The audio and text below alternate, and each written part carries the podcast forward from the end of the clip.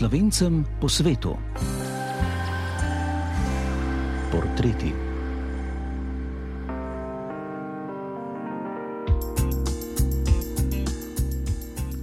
Lepo pozdravljeni, dragi prijatelji naše oddaje, tako po svetu kot doma. V portretih slovencev po svetu nocoj predstavljamo slovensko slikarko in geografinjo iz Otave Ireno Hribar Schmidt. Že skoraj 40 let živi v tujini, kamor jo je odpeljala študijska pot. Rojena ljubljančanka je v Kanadi študirala geografijo, vse skozi pa se je izobraževala tudi na likovnem področju. Že pred odhodom v Severno Ameriko je v Sloveniji obiskovala tečaje modeliranja in risanja, študirala pa je tudi oblikovanje v Benetkah. Ustalila se je v Otavi, kjer si je ustvarila tudi družino, tam se je tudi zaposlila in se likovno razvijala. Njena izseljenska pot je bila zaznamovana tudi z desetletjem, ki ga je z družino preživela na arabskem polotoku. Sicer pa je tudi njena umetniška pot precej razgibana, zaznamovana s kulturami in doživljanjem treh dežel, v katerih je bivala Slovenije, Kanada in Saudske Arabije. Kljub letom izseljenskega življenja v Kanadi je Irena Hribar Schmidt vse skozi tesno povezana tudi z domovino. V Sloveniji je imela že tudi več likovnih razstav, aktivna pa je tudi v slovenski skupnosti v Otavi, Slikarka Irena Hribar Schmidt iz Kanade je gostja nocojšnje oddaje Slovencem po svetu Portreti.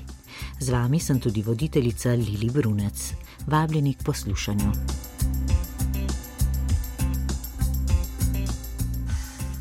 Lepo pozdravljeni, gospa Irena Hribar Šmit v našem radijskem studiu v Ljubljani. Ljubljana je pravzaprav vaše rojstno mesto, kjer ste tudi odraščali in se šolali do odhoda v tujino, kaj ne? Kako je bilo odraščati v Ljubljani v tistih časih, ko smo bili še v skupni jugoslovanski državi? Kakšne spomine imate na tista leta? Kako so vas zaznamovala? No, jaz imam zelo lepe spomine, pravzaprav še iz življenja v bivši Jugoslaviji. Jaz sem bila takrat otrok, ki mu nič pravzaprav ni manjkalo, vsi smo bili nekako enaki, živeli smo v teh blokih v Šiški, hodili v šolo. Nekako nismo imeli kako bi rekla, kakšnih večjih materialističnih upanj.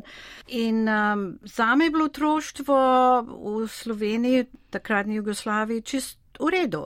Še vedno se spomnim, kako smo bili mladi pionirčki in smo potem, ko se je učiteljica prišla v razred, smo salutirali s domovino, s titom naprej in tako naprej. In um, Hodila sem v šolo Hinko Smrekar v Šiški, zelo lepa šola. Tako da to je bilo zelo pozitivno gledano skozi oči otroka, ne? ker pač to, kar ti ponudi tvoja okolica, to veš, to zaznaš, potem se ne ukvarja s kakšnimi političnimi, ekonomskimi problemi in tako naprej. Ne? To je bolj ležalo na starših, seveda. E, sicer pa ste nadaljevali tudi potem šolanje v Ljubljani, ne? Ja, seveda. Upisala sem se potem na Bežigrajsko gimnazijo, ker je pač imela intenzivni pouk angliščine. To so tudi. Kar nepozabni spomini, bila sem tudi v tramskem krožku, kjer smo veliko igrali in imeli razne vaje, hodili v gledališče. Recimo takrat eh, je bilo gledališče, kako bi rekla, subvencionirane. Naprimer, če jaz to pogledam v Kanadi, koliko to stane, gledališke predstave je to čist nekaj drugega. Ne? Tako da to imam tudi lepe spomine no, na odraščanje kot tinejdžerka, recimo na Bežigrajski gimnaziji. Ja? No, in že tam ste se malo spogledovali z umetnostjo, ne? Mm. Sicer pa v rosnih letih v Sloveniji pa ste že tudi se začeli spogledovati z likovno ustvarjalnostjo, kaj ne? Odkot mm -hmm. to vaše veselje do risanja in slikanja že v zgodnji mladosti? Kdo vas je navdušil? Glede, v naši družini je bila umetnost vedno cenjena. Nekako smo povezani z, recimo, Božidar Jakac je bil bratranec od moje stare mame. Na Hriborjevi strani so bili tudi zbiratelji umetniških umetnin in tako naprej. Tako da to je bilo vedno en povdarek na umetnosti in izobraževanju. Jaz sem že kot majhna deklica hodila v pionirski dom in delala skulpture pri kiparju drago tršarne. In uh, potem v gimnaziji sem pa že hodila na akademijo, tam so imeli zvečer ene tečaje, risanje, figure, akta in tako naprej. To je bilo več ali manj edino, kar je bilo takrat ponujeno. Ne? Če zdaj gledam sedaj, so razni likovni krožki na tečaji, izobraževanja, že skoraj vsaki vasi, recimo ne, v Sloveniji. Ampak takrat to ni še bilo tako razvito ponujanje ene umetniške izobrazbe izven akademske smeri, ne, bolj ljubiteljske smeri. Tako da ja, takrat sem že potem se s tem ukvarjala in potem eno leto po končani gimnaziji sem celo delala en tečaj v Benetkah, likovne umetnosti, to je bilo ene šest mesecev, nekaj takega in potem sem prišla nazaj v Ljubljano. No, in potem, še zelo mladi, ste se pa odločili, da se odpravite v tujino. Vas je pot zanesla v Kanado. Zakaj prav Kanada v tistih letih, konec 70-ih, v začetku 80-ih, tudi potovanja in odhodi v tujino vendarle niso bili tako preprosti, kot so danes? Kako vas je popeljala pot v Kanado takrat? Poglejte, imela sem znance in tudi v Ameriki uh, sorodnike, ki so se tam naselili in tam se mi je pač odprla pot. Recimo, nobena pot se mi ni odprla v kakšni drugi državi, recimo v Evropi. Tako da sem pač zagrabila to možnost in odšla, ker v tistih letih seveda je vse lepše nekje druge, vse bolj zanimivo nekje druge.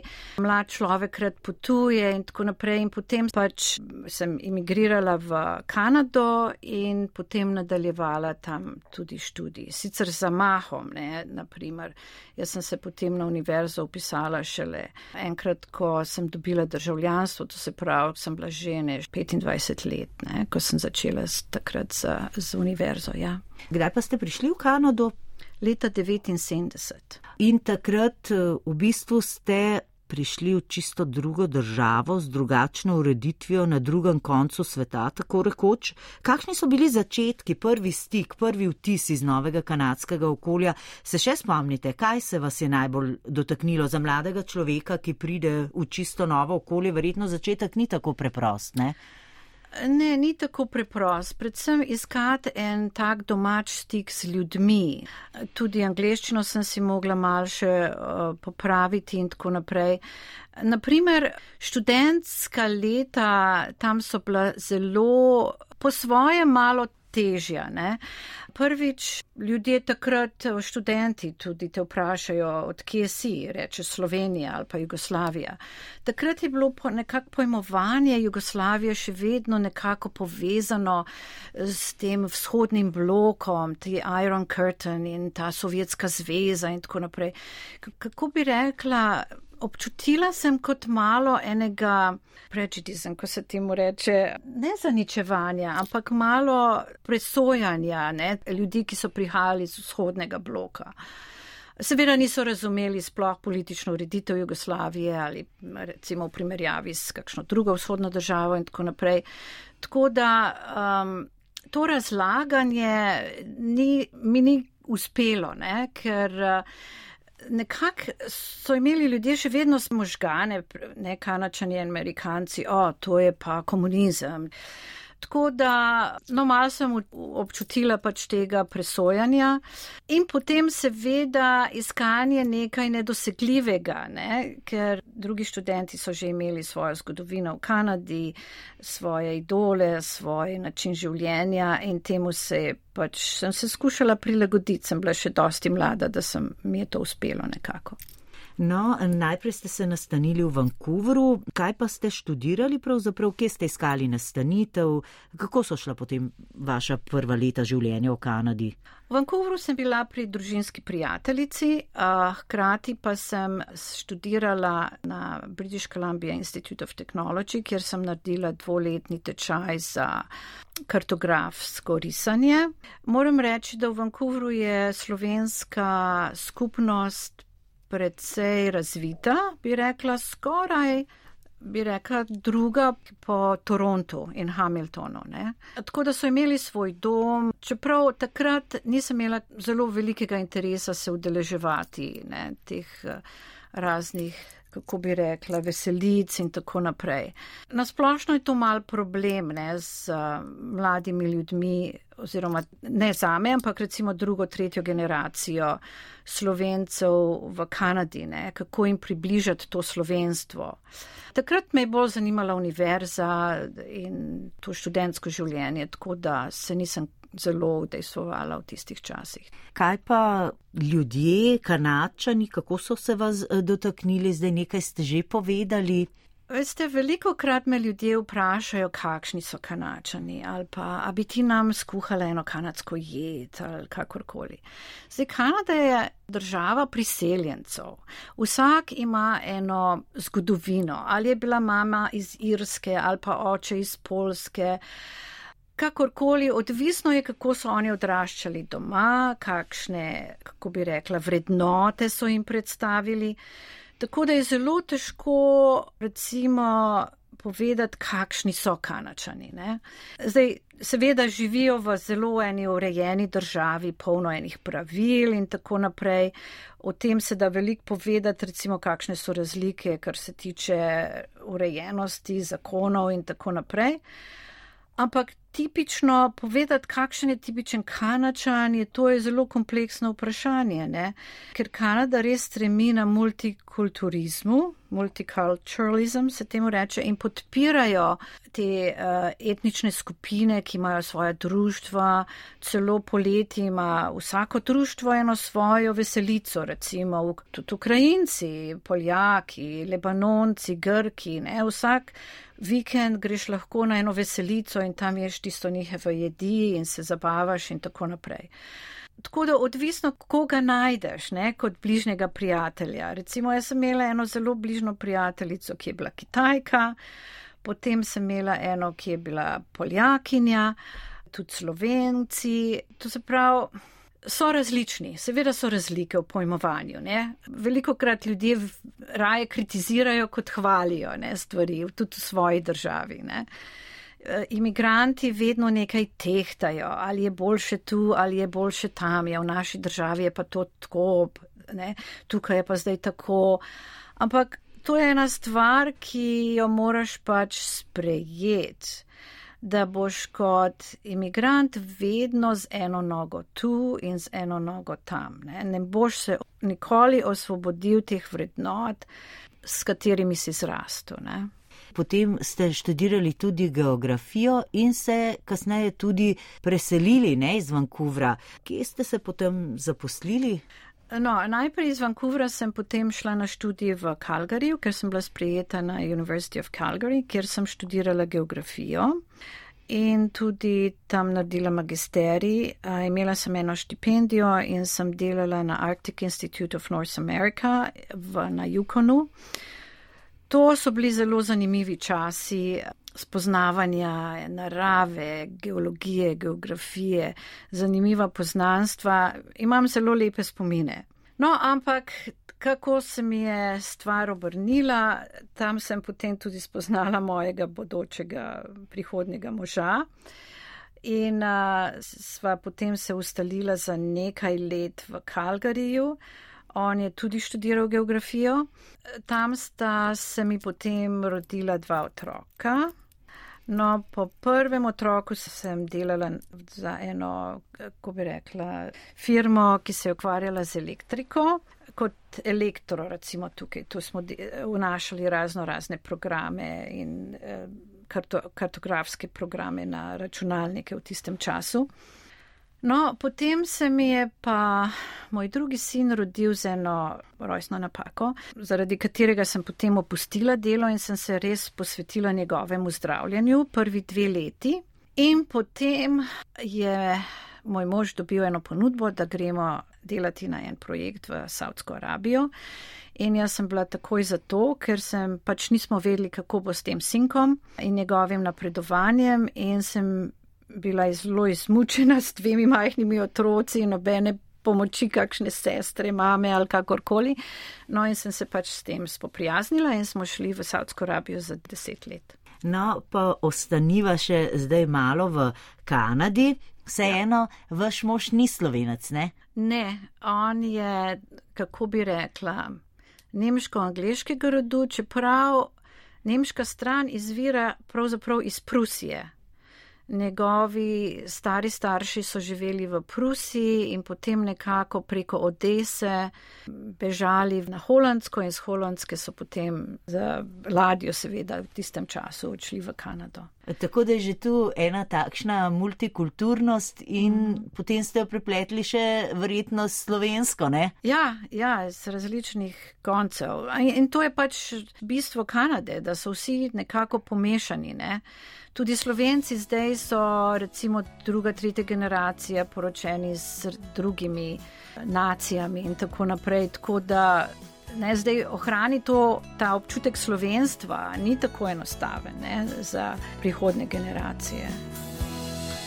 Prazen dan, navaden, tih in zaspan. Že zjutraj se povsem očitno zdi, da bi bolje bilo, če ga ne bi bilo. Sama žalost, sami bivši ljudje, le še marketing in deficit srca, nobenih vicev več, še vreme je za vraga. Ko pa prideš ti, se ne bo mi razjasni, kakor da letim, sebi sam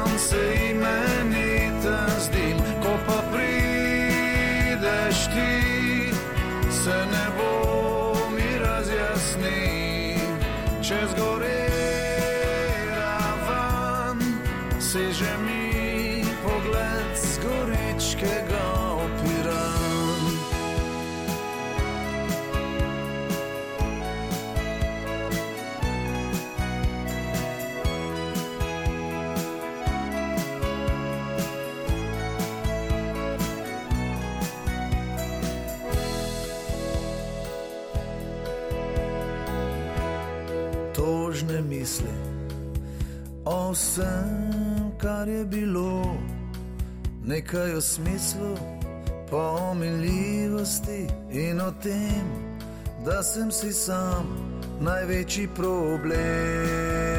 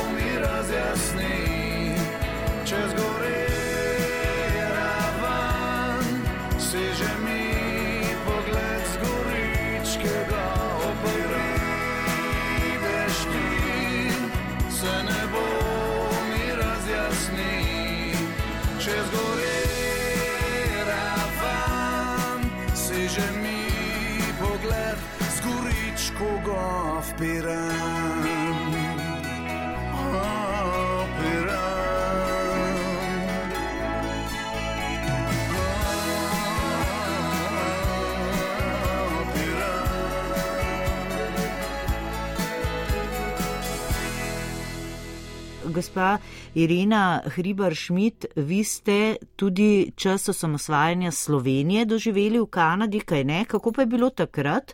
Kako ste spremljali vi dogajanje v Sloveniji pred 31 leti in tudi sicer, kako spremljate razvoj Slovenije in dogajanje v Sloveniji zdaj danes? No, danes to ni problem, ker obstaja internet ne? in sem naročena na dnevne novice, tudi radio, zdaj dobiš že vse na, preko mojega telefona, lahko radio poslušam. No, ampak v tistem času je bilo res samo televizija in pa telefonski pogovori, ki so bili zelo dragi. Ne? In uh, takrat smo si telefonirali parkrat na leto, ker to ni obstajalo, noben FaceTime in Viber ali karkoli. To sem spremljala po televiziji. Najbolj me je bilo seveda strah te napovedane vojne, ne, ki je trajala tukaj deset dni, ker me je seveda skrbelo za starše, takrat so bili še živi. In pa takrat smo si pisali pisma še, ne, tako da vse novice, vsa ta dogajanja, to je bil vedno en zamik. Seveda sem to spremljala in bila zelo vesela, da res ni prišlo do take vojne, kot je potem se razširila vojna recimo na drugih ex-jugoslovanskih eh, državah. Ne. Na 40 letja ste zdaj že v Kanadi. Kako ste tako lepo ohranili jezik čez vsa ta leta? ja, to me veliko ljudi vpraša. Sej, ko pridem prvič, prve dni mal zavijam, tako še drugače, včasih mi kakšna beseda zmanjka, se je ne morem spomniti. Ampak jaz sem zelo ohranjala stik s prijatelji, sorodniki v Sloveniji. Hkrati sem tudi potem bila zaposlena na slovenskem veleposlaništvu v Otavi. Skoraj 6-7 let, In uh, takrat se mi je slovenščina zelo popravila. Ne. Velikrat so me opomnili, ne, da to ni prava slovenska beseda, ali pa sem uporabljala še kakšen žargon od prejšnjih časov. Ne. Zdaj so čisto eni novi žargoni, potem sem tudi uporabljala besede, recimo potočnost. V slovensko mora biti prihodnost, ali pa sem vedno govorila pasoš, so me popravili, ne je potni list. Ne. Tako da nekako tudi velik germanskih besed sem uporabljala in zdaj sem se pač zelo popravila. In tudi opažam, ko prijem Ljubljano, da so ljudje zelo striktni, predvsem včasih, ko prije uporabljanja dvojine, ne, bova šli, sva prispeli, tako moja, moja sošolka naprimer govori. Uh, Tako da vidim, da se zelo težijo tudi v Sloveniji za ohranjanje slovenskega jezika. Me pa včasih, moram reči, motijo kakšni zapiski v časopisu, naprimer, ki uporabljajo angliške verzije kakšnih besed, naprimer, ta je dobra menedžerka ali pa to je pa top šola. To je bilo napisano v enem članku. To se lahko napiše vrhunska šola. Ne? Čeprav v, v žargonu pa seveda ljudje skozi uporabljajo to, ne? to je full dobr, pa pejmo malo live, pa take stvari, ki sem se jih tudi jaz zdaj naučila. Ne? To je res zdaj jezik in anglizmi prodirajo tudi v Slovenijo. Ja. Sicer pa gospa Irena Hribar Šmit. Uh, Kako pa ste v Otavi ohranjali stik s slovensko skupnostjo tam v Kanadi? Kako ste bili povezani? Ja, precej, precej sem bila povezana, predvsem v času, ko sem delala na veleposlaništvu, ker smo imeli redne sestanke, povabila, podpirali smo vse dogodke. Skoraj obvezno smo vedno mogli iti na kakšen tak dogodek in jaz sem seveda potem tudi imela spisek vseh slovencov, ki smo jih vabili na veleposlaništvo, na kakšen sprejem ali smo organizirali kakšne kulturne dogodke, to je bilo zelo pozitivno. Ampak Otava je bolj administrativno mesto. Ne? In tam ni tako veliko slovencev, kot naprimer v tej regiji Toronto-Hamilton. Toronto-Hamilton, tam so po vojni prišli vsi ti slovenci, nekateri so bili rokodelci, obrtniki, niso znali takrat angliščine in so se zaposlili v raznih tovarnah, industriji in tako naprej in jih je veliko tam ostalo. Ne? Nekaj jih je sicer prišlo v Otovo, Ampak tudi njihovi otroci potem so se recimo poročili s kom drugim in tudi odhajali v svet. Vsi so potem postali akademsko izobraženi, naredili univerze, šole in tudi se razpršili. Tudi šli mogoče v Toronto, ker je to je 10 milijonov ljudi, tam je pač več posla, več služb in tako naprej. Tako da žal v, v Otavi je zelo malo slovencev in to društvo, ki obstaja, je zdaj ne deluje kar zelo aktivno. No, srečajo se nekajkrat na leto, ampak ni tako aktivno, naprimer, kot društvo v, v Torontu, ne, kjer jih je pa ene pet različnih in imajo svojo halo, kjer imajo poroke, veselice, imajo svojo crkev, tam se lahko otroci tudi slovenščino učijo in tako naprej. Ampak v Otavi seveda je pa zdaj ena mlada gospodična Adriana Šuštar, ki je pa ustanovila eno folklorno skupino za otroke in je to zelo uspešna. in jo moram res pohvaliti, ker imamo samo en drobižek otrok, ki prvič so slovenski, ker tudi drugič, da jih to zanima, folklorni ples. Ne? Tako da s tem smo zdaj mal oživeli eh, in te otroci tudi pridejo včasih plesati na kakšen kulturni dogodek, sicer zdaj v času COVID-a je to vse zamrlo. Tako da individualno poznam ljudi, ampak kar se tiče kakšnih večjih dogajanj v sklopu društva, ni trenutno. Ne. No, morda bo zaživelo prav s to novo folklorno skupino. Upam. Sicer pa, gospa Irina Šmit-Hribar, vaša življenjska pot pa ni bila vezana samo na Kanado, ste omenili, skoraj desetletje ste preživeli tudi na arabskem polotoku. Kako pa je prišlo do tega koraka in kako ste doživljali utrip v arabskem delu sveta, kaj ste tam počeli, kako ste tam živeli, kaj se vas je dotaknilo tam? O, to je bilo eno zelo zanimivo obdobje v mojem življenju. Seveda, ko smo se odločili iti v Saudsko Arabijo, sem jaz to gledala, o, to bo ene par let, takrat bo sinko že vse, z njim vse v redu. Imela bom malo več hišne pomoči, bom pač doma z otroci, ne, takrat, ker v glavnem ženske same ne morejo iti v Saudsko Arabijo. Ne. To je zelo striktna islamska kultura. Celo moj mož je mogel podpisati, da bo odgovoren za moje obnašanje. In, um, ampak živeli smo v zelo luksuznih kompoundih, bi rekla, ne, kjer so bile razno razne vile, stanovanca, bazeni, restauracije in tako naprej za tujce kjer je bilo mogoče, kako bi rekla, to je bila ena zlata kletka. Ne? Naše gibanje je bilo omejeno, predvsem za ženske. No, imeli smo en avtobus, ki nas je peljal na razne nakupovanja, imeli smo tudi razne voznike, če so nas peljali k kakšnemu zdravniku ali karkoli. V začetku je, je bilo meni zelo všeč, predvsem zato, ker sem rabila malo pomoči z otroci, hodili smo na bazen, bili so tam, so bile mlade mamice z drugimi otroki in tako naprej. Ampak seveda prilagajanje pač moraš razumeti islamsko kulturo in se temu prilagoditi. So nekateri, ki jim je to odveč in so mogoče kakšne ženske, bile, jaz pa ne bom nosila to črno obleko in ruto na glavi, ampak če smo šli ven iz kompavna, je pa to bilo obvezno. Ne? No, meni je bilo to vseeno, pač se ti ni treba spraševati, kako boš oblečen, ko greš ven, ali pa če sploh imaš frizuro urejeno, ne pač si daš črno haljo, gor pa ruto in greš ven. No, ampak s časoma sem potem začela tudi delati na svojih zanimanjih in seveda sem imela dve zelo dobri učiteljici, mentorici slikarstva tam. In ko so otroci začeli hoditi v šolo, sem se lahko več temu posvečala. Potem smo imeli tu eno mednarodno, eno mednarodno likovno skupino in smo razstavljali v raznih hotelih.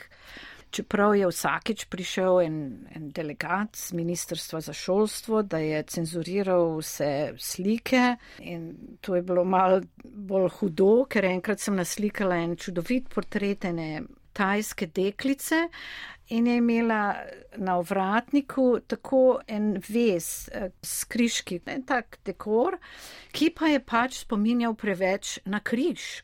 In je bila tista slika odmaknjena, ampak to je bila vezenina. Ne? No, s takimi stvarmi smo se mogli ukvarjati. No, takrat sem zelo zaživela, kar se tiče uh, na slikarskem področju ne? in se zelo ukvarjala s to skupino. Potem sem pa tudi dobila namestitev na mednarodni šoli, kjer sem učila likovni pouk. In to je bilo tudi zelo zanimivo, in, in sem bila zelo zaposlena. Ne. Seveda je bilo to mal drugače, ker smo se morali spet podrejati temu kurikulumu arabskemu, ker nismo smeli slikati človeške podobe. Ne.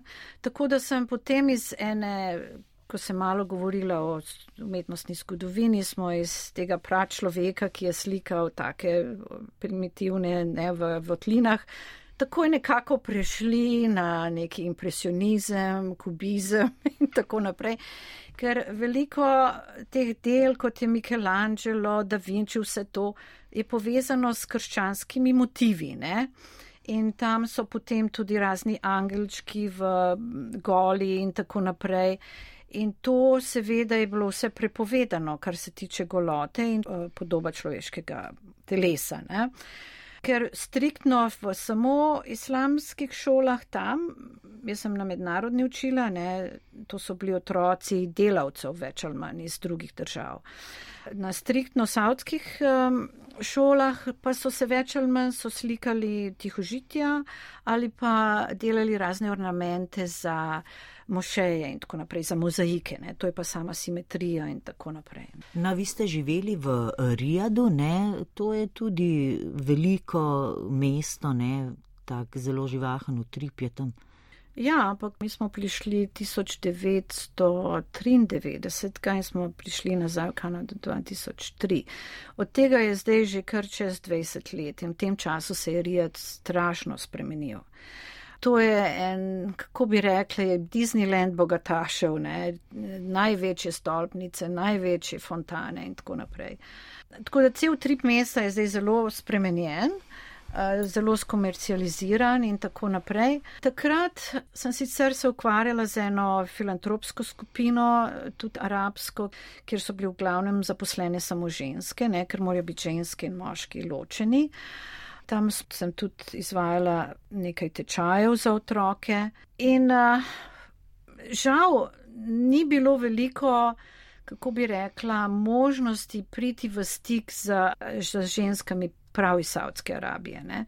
Recimo na kompoundu so bile tudi ženske iz Libanona, palestinke, egipčanke in tako naprej, ampak Saudska Arabija ima zelo, takrat saj je imela zelo striktne ta pravila. Ne? Tudi če bi moj mož povabljen na eno večerjo k nekomu, ne enemu biznis partnerju ali karkoli, to ne pomeni, da avtomatično je povabljena tudi žena. Če pa je povabljena, pa gre v drugi del hiše, kjer je zabava samo za ženske oziroma večerja samo za ženske, on pa gre tam, kjer so sa, zabava za moške. Ne? To je bilo takrat zelo ločeno in najbolj težko je bilo iti recimo v restauracijo, ne, kot par ker moraš potem iti v restauracijo, ki ima družinski oddelek, kar pomeni, da dobiš tako en kot, ne, med katerimi so potem zavese, ko ne vidiš drugih moških ali pa drugih žensk. Ne. Uh, in potem, ko pride na takar, ne, da ti prinese hrano, malo zakašlja pred to zaveso in potem arabke si zakrijejo oči in potem servira hrano in potem odide. Ne. Edina možnost tako za druženje izven kompounda med pari, ne, našimi prijatelji skupnimi, je bilo, če smo šli v kakšen ameriški hotel. Ne, to je bilo pa dovoljeno, recimo Marriott ali pa Hyatt in tako naprej. Veliko sveta sem obšel, veliko sem videl deklet, najlepše na svetu od vseh je brhko slovinsko dekle, veselo se rada smehlja, prijazne so njene oči. Kot jabolka, lica ima pred fantom prikupno srdi.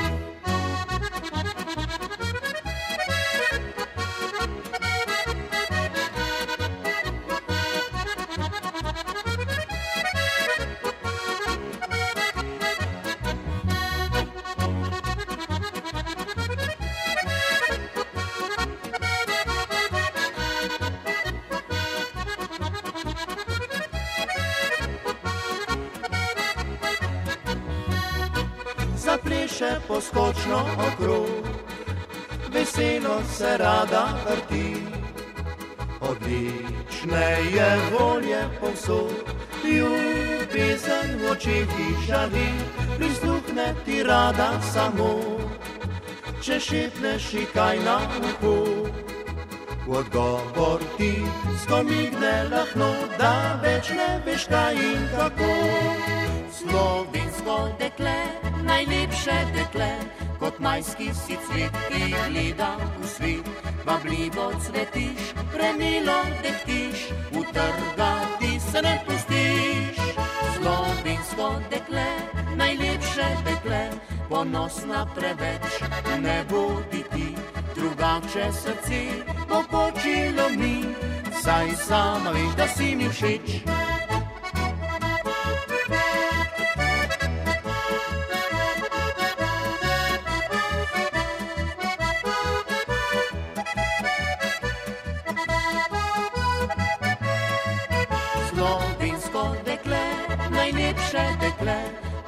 Ponosna preveč, ne bodi ti, drugače srce popočilo mi, saj sama veš, da si mi všeč. Slovencem po svetu. Portreti. No, gospa Irina Hribar-Šmit, vaše življenje v tujini pa je bilo vse čas prepleteno tudi z likovnim ustvarjanjem, slikarstvom. Omenili ste že, da ste likovno ustvarjali tudi v Saudovi Arabiji, kjer ste deset let živeli. Kako pa se je pletla ta vaša ustvarjalna umetniška pot v tujini? Z presledki, ne? Veliko sem se ukvarjala še v najstniških letih, potem sem pa resno začela šele, ko sem bila v Saudski Arabiji, kot sem omenila, ker mi je pač takrat bil ponujen ta čas. Ne? Zelo težko je biti v službi, imeti družino, otroke in se potem še posvečati. Seveda lahko narediš tečaj sem in tja, ampak da bi človek redno slikal, je mogoče mal, malo težje. V Saudski Arabiji sem veliko slikala, to sigurno. In sem imela tudi tako družbo. Potem, ko smo se vrnili v Kanado, sem postala član Ottawa Mixed Media Artists klubu. In uh, sem potem redno hodila ustvarjati, enkrat na teden smo imeli svoje ateljeje, vsak mesec je bila sigurno kakšna dvodnevna delavnica, povabili smo razno razne uspešne slikarje in mentorje. Tako da sploh ne vodim evidence, ki bi sicer mogla, koliko teh delavnic in kolonij sem jaz že naredila. Ne? Seveda je mogoče, kaj zvem, če zdaj gledam nazaj, bila napaka, da se nisem že od začetka upisala na recimo likovno akademijo, lahko bi jo delala tudi 5-10 let, sej to ni važno. Ampak v glavnem jaz sem si pridobila to znanje preko individualnih inštrukcij. Ne? In najprej sem seveda začela, ko sem bila v Otavi, s poučevanjem slikanja na svilo in z tega razvila umetniške slike. Ne vsak, ki razmišlja o slikanju na svili, ima asociacijo na razne modne dodatke in tako naprej. Ampak jaz sem pač to uporabljala kot en medij, ki je bil potem uokvirjen, ker pač so mi bile všeč te žive barve in tako naprej. No, potem sem nadaljevala z akrili, zelo veliko abstrakcijo in tako naprej in imela pač tudi nekaj razstav, skupnih razstav s tem klubom. Leta 2007 sem prišla v Slovenijo in imela tukaj na slovenskem kongresu razstavo. To sem ponovila potem tudi leta 2017 na isti lokaciji. Zelo rada v glavnem pridem v Slovenijo in naredim kot to kot en kulturni dogodek. Sej to ni en dogodek, kjer bi človek prodajal slike ali karkoli. To sploh te že na carini sprašujejo, zakaj imaš te slike, recimo. Ampak to je en kulturni dogodek, to je ena retrospektiva mojega dela. No, vaše slikanje je nedvomno zaznamovano tudi s kulturami treh dežel, kjer ste živeli oziroma živite, se pravi Slovenijo, z Kanado in Saudovo Arabijo. Kako danes ustvarjate, kaj vpliva na vaše slikanje, kje iščete navdih, kakšna je najpogosteje vaša motivika? Najpogosteje je bila v zadnjih, mislim, zadnjem desetletju abstraktna slika, ki pa se je prelevila v zadnjih dveh letih čisto v nekaj drugega in sicer vsled tega COVID-a. to je pa ena zelo zanimiva zgodba. Naprimer, dve leti nazaj, seveda, ko je prišel ta COVID, smo bili zelo omejeni v Kanadi, sploh zaprti. To je bilo psihološko zelo težka stvar za veliko ljudi. In eh, jaz sem takrat še nekaj poučevala v Otavi, čisto eno drugo stvar, delala za en državni program za izseljenci in tako naprej. No, in kar naenkrat se znajdem v tem, da smo zaprti. Lahko gremo po zimi pri minus 25 stopinjah ven na sprehod sicer, ampak drugo kot iti v supermarket poživila ni bilo. No, in potem sem jaz se prijavila na en tečaj za odgovarjanje telefona klic v sili, ker takrat so veliko ljudi rabili, ker se je vse zaprlo, razno razne skupine, ki so podpirale recimo alkoholikov, sicofrenikov ali ženske v krizi, vsa ta druženja ne, in moralna opora ni bilo možno zaradi COVID-a. In so bili taki klici v stiski veliko bolj pogosti. No in s časoma sem jaz potem začela, kako bi rekla, čist intuitivno, nepričakovano slikati izraze človeške psihe. In sem dve leti slikala tokrat omejeno akvarele, ker sem imela omejen prostor doma, nisem mogla iti tam, kjer je moj atelje. In sem v glavnem slikala človeške izraze, morda ljudi, kako sem si jih predstavljala ali pa kar sem v njih čutila. In sem dve leti ustvarjala in se po svoje tudi učila različne tehnike tega izražanja. Ne. Nekatere portreti so zelo ekspresionistični, narejeni zelo hitro, z nekaterimi pa sem se ukvarjala precej dolgo časa. No, in sedaj, kaj narediti s vsemi temi akvareli? Jaz sem imela tukaj čez 50 teh slik. Ne? In uh, zdaj v okviru 50 slik je tudi ena finančni zalogaj. In to niso recimo slike, ki pač so včasih, kakšni portreti so kar mal depresivni, ne? ni nekaj, kar bi človek podaril ali pa kupil, da ima to na steni. Ne? Ampak, ko bi rekla, z umetniškega stališča so dobri, saj meni se zdijo. No in potem, ker sem že prej sodelovala oziroma poznala likovno društvo v Tolminu, sem se s enim kolegom domenila, da bom imela letos razstavo v Tolminu, ker so pač tam mi ponudili možnost, ker so imeli razno razna stekla, ki so jih uporabljali za fotografske razstave, več ali manj. In sem jaz potem to dala v razne pasportuje, ti moje portrete in tako pod štiri portrete dala pod ta stekla. In tako, da je bila razstava z tega stališča zelo uspešna. Ne. To je bilo v Art Deco Cafe Grajski vrt, zraven kinogledališča Tolmin.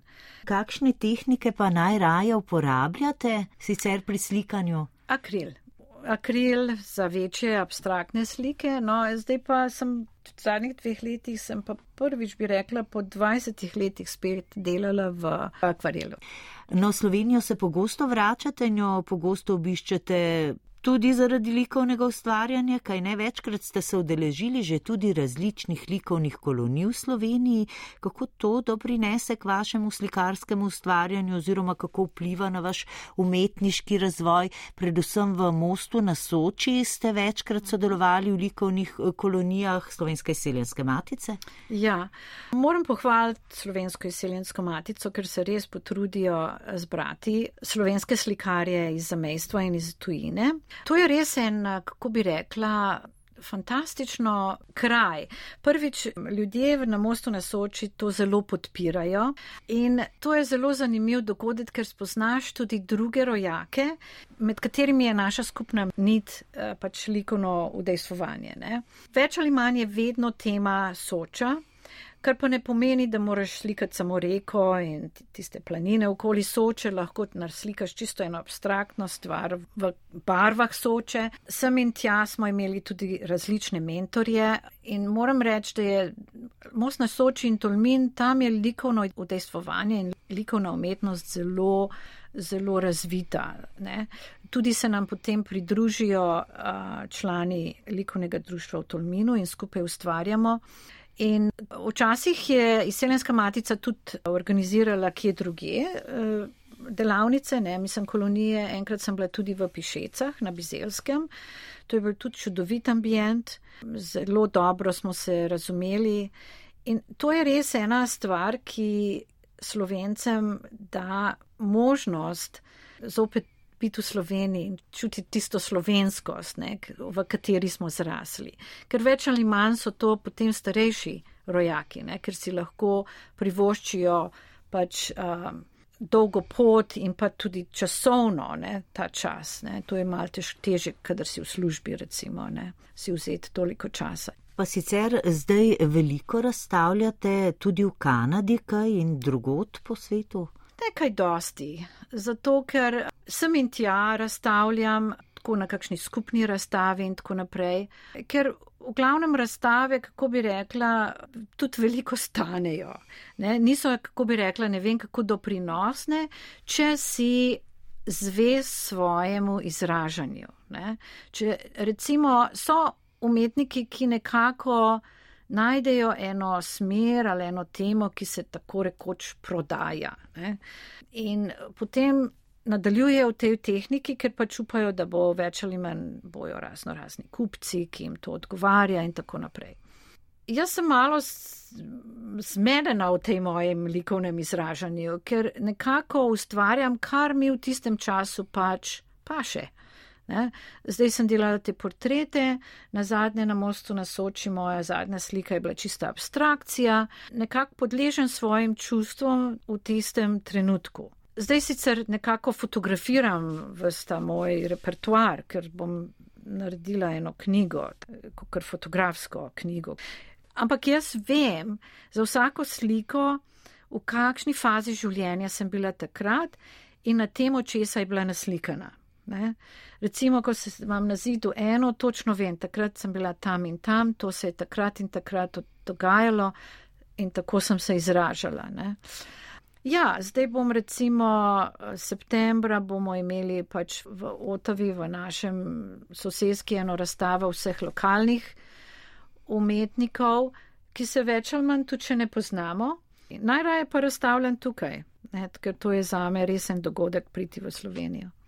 No, in vaše življenje je zdaj kar nekako bolj razpeto med Kanado in Slovenijo, kaj ne?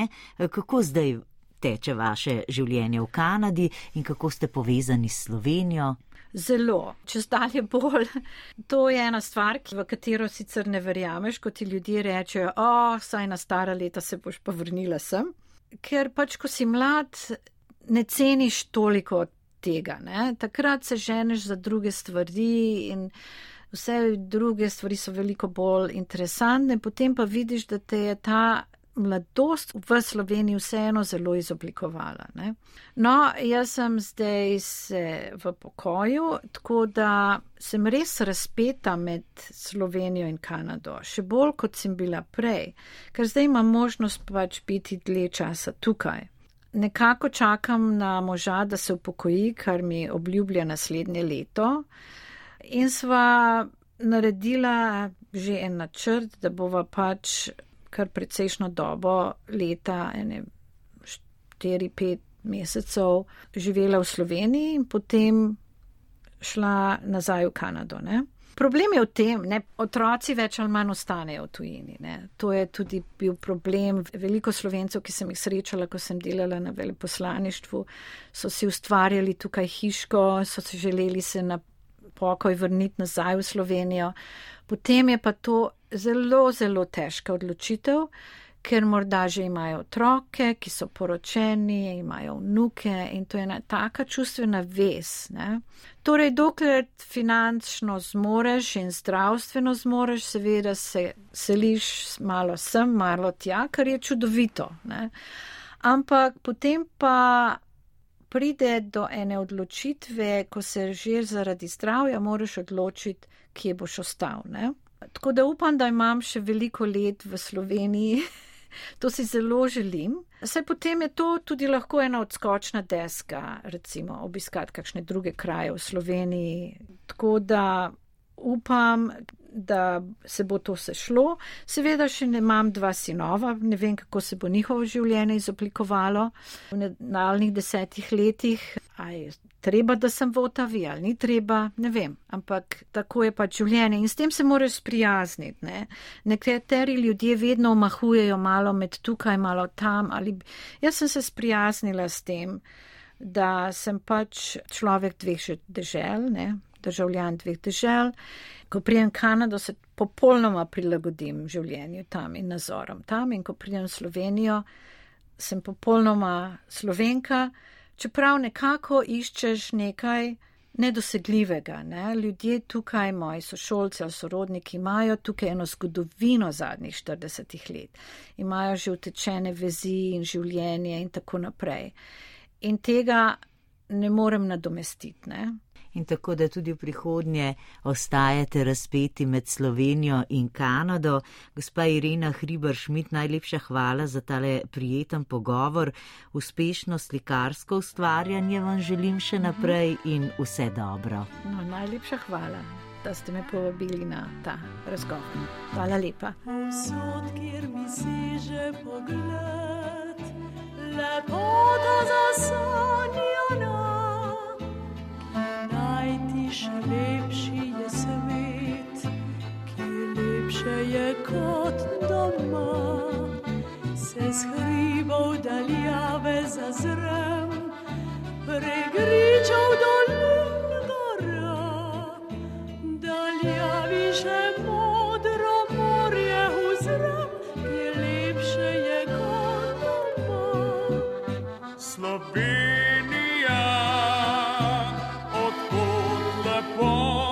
Tvoje, pozdravljamo tej srca in srečni tu smo doma. Slovenija, naj tebi pisem poje, ne išči sreče.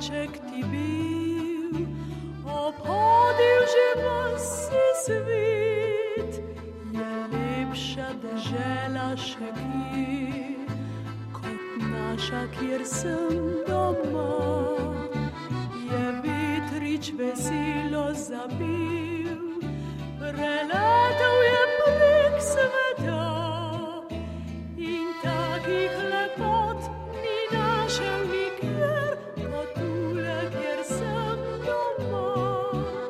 Slovenija, lepote tvoje pozdravljamo tej srca in srečni tu smo doma, Slovenija.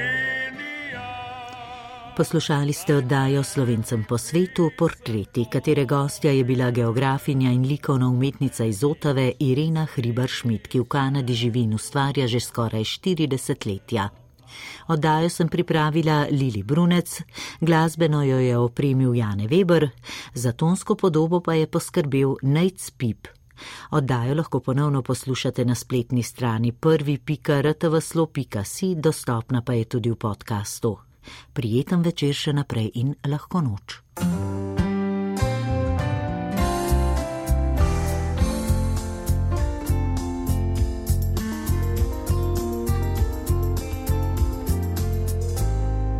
Slovencem po svetu. Portreti.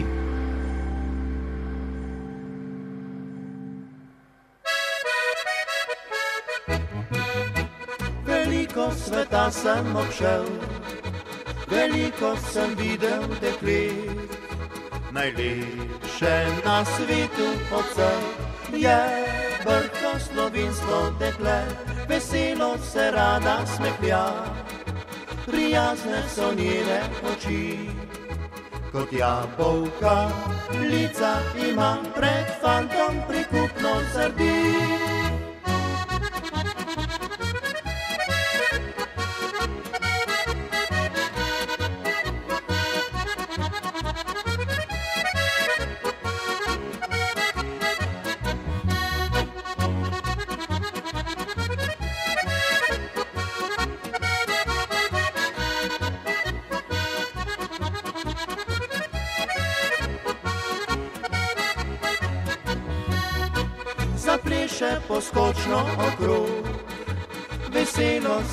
Rada vrti. Odlične je volje povsod, ljubezen v očih žali, prisluhne ti rada samo, če šepneš kaj na uho. V odgovor ti skomigne lahno, da več ne veš kaj in kako. Slovensko dekle, najlepše dekle, kot majski si cvet, ki gleda v svet, vabljivo cvetiš, premilo dekti.